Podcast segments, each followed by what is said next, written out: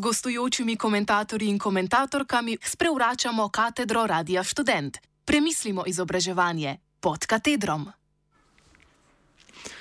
O višanju cen vrtcev in politikih, ki se sprenevedajo.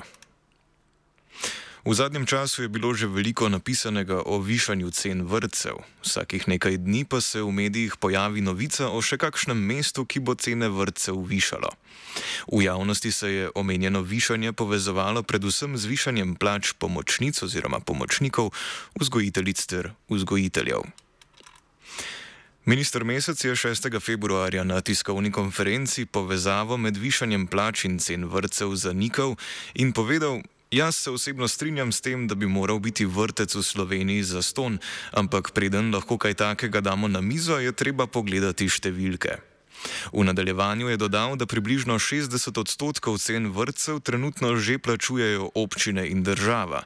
Vsaj sam sem to misel prepoznal kot poskus opravičevanja dela, ki ga opravi radodarna država, ko staršem otrok že zdaj plača domnevno visok del cene vrtcev iz svojega žepa.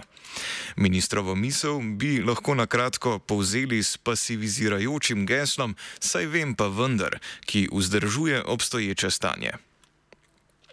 Preprečevanje negativnih razlik med državljani, torej tudi otroki v vrtu, je zagotovo eden od pokazateljev socialne države in kakovostne predšolske vzgoje. Če cena vrtca predstavlja kakršnokoli, še tako posredno oviro za kakovostno učenje in razvoj otroka, ali pa je njena višina vzrok, da starši svojih otrok v vrtce ne upišajo, lahko govorimo o nižanju kakovosti predšolske vzgoje pri nas.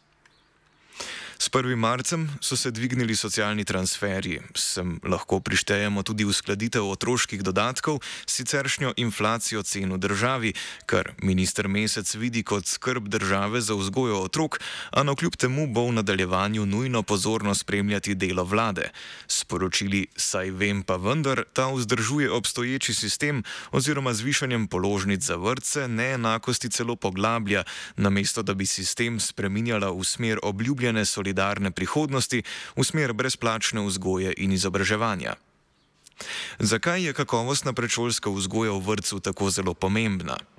Negativne razlike v učenju in razvoju dojenčkov, malčkov in otrok v zgodnjem otroštvu lahko v veliki meri presežemo s kakovostnimi programi vrtcev, ki ponujajo bogato simbolno okolje in kakovostne socialne interakcije.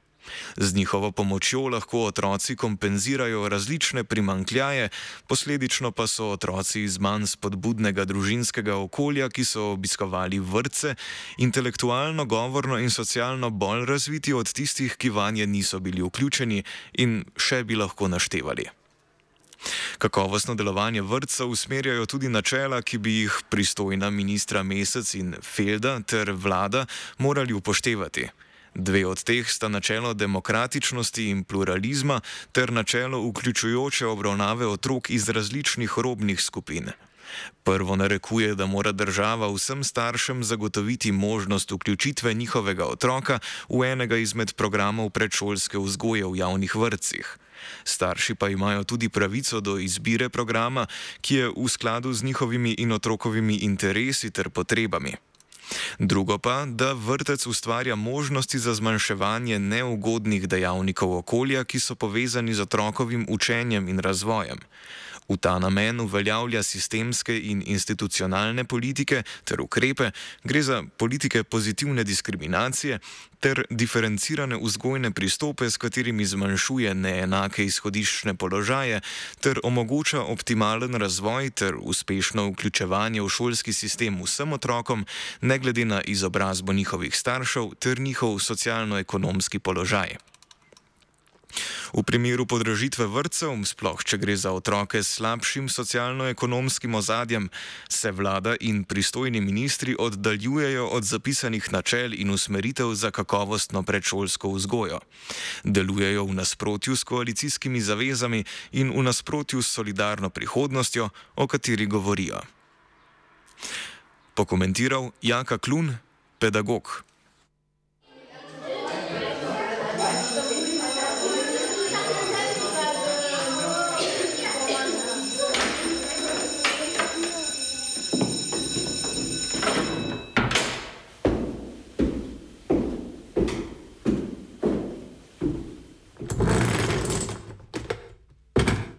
Z gostujočimi komentatorji in komentatorkami sprevračamo katedro Radia Student. Premislimo izobraževanje pod katedrom.